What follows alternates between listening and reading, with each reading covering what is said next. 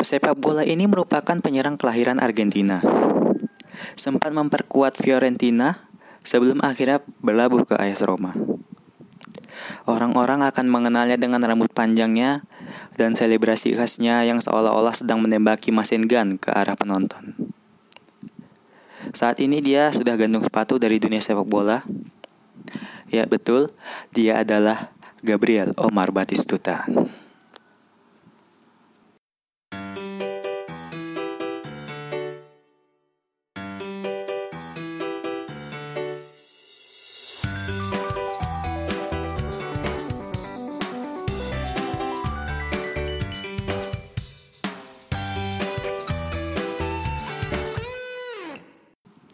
Di sini saya tidak akan membahas Batistuta, tetapi saya akan membahas tentang Pablo Daniel Osvaldo.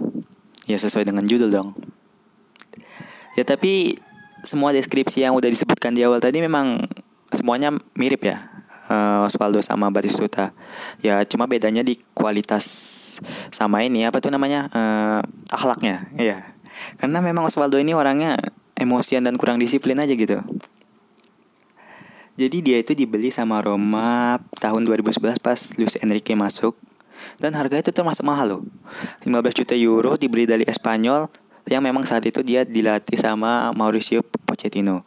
Nah, Osvaldo ini sebenarnya tipe penyerang yang gak terlalu saklek berada di kotak penalti. Tapi dia kadang-kadang juga bisa buka ruang dan bisa berdampingan dengan striker-striker lain gitu kalau misalnya dipasang dua striker di depan.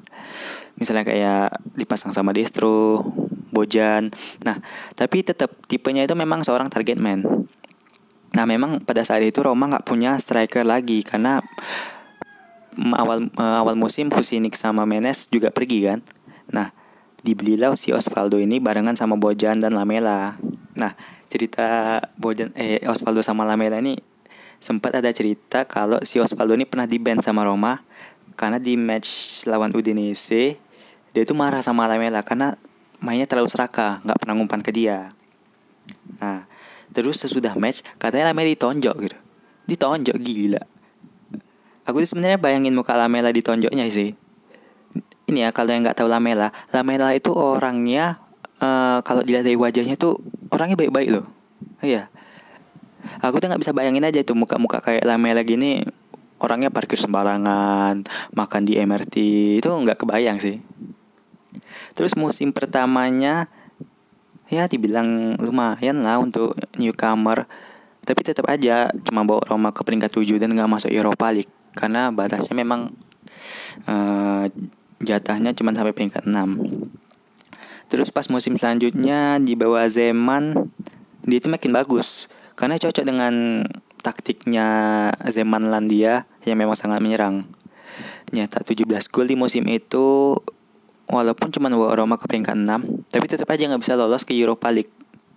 Karena Roma kalah di final Coppa lawan Lazibun yang di Serie A-nya peringkat 7. Jadi uh, slot Europa League-nya yang dapetin itu Lazibun karena menang Coppa Italia. Yang pada saat itu skornya 1-0 dicetak sama Senat Lulic di menit 71 memang dari angka menitnya familiar dengan para fans Roma. Nah, katanya sesudah laga si Osvaldo ini yang cuman dimainin sebagai pemain pengganti itu ngamuk.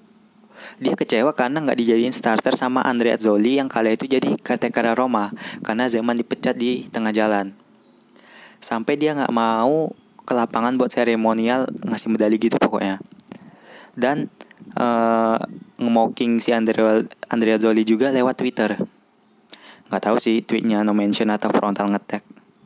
Tapi kayaknya no mention deh, soalnya kan kayaknya si Andrea Zoli nggak punya Twitter kali ya.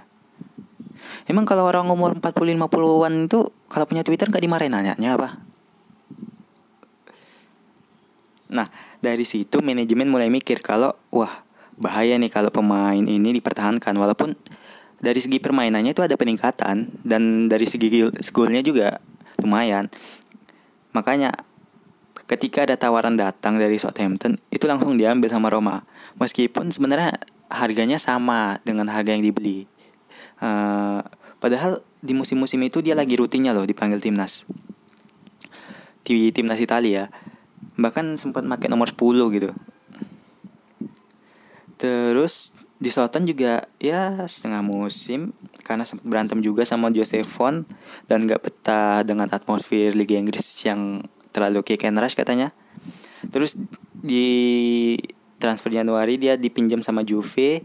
Nah, kampretnya nih orang itu dia bersama Juve nyata satu-satunya gol di Serie A pas ngalahin Roma 1-0. Kan tuh. Terus di di musim selanjutnya eh di musim itu dia sama Juve meraih Scudetto. Beruntung banget nih orang. Terus di Inter juga uh, di musim selanjutnya di Inter dia hmm, ya gitulah performanya so-so terus juga dapat teman berantem lagi ya sama Icardi temannya Maxi Lopez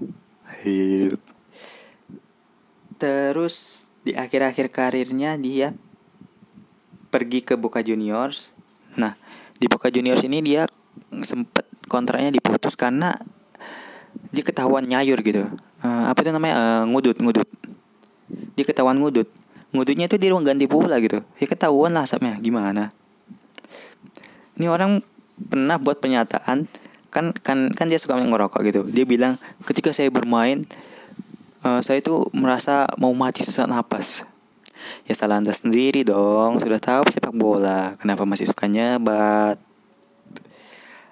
Terus di tahun 2016 dia memutuskan untuk pensiun karena mau fokus sama passionnya yaitu jadi anak band. Jadi dia itu sebenarnya statusnya sekarang jadi vokalis band rock namanya Barrio Barrio Fejo.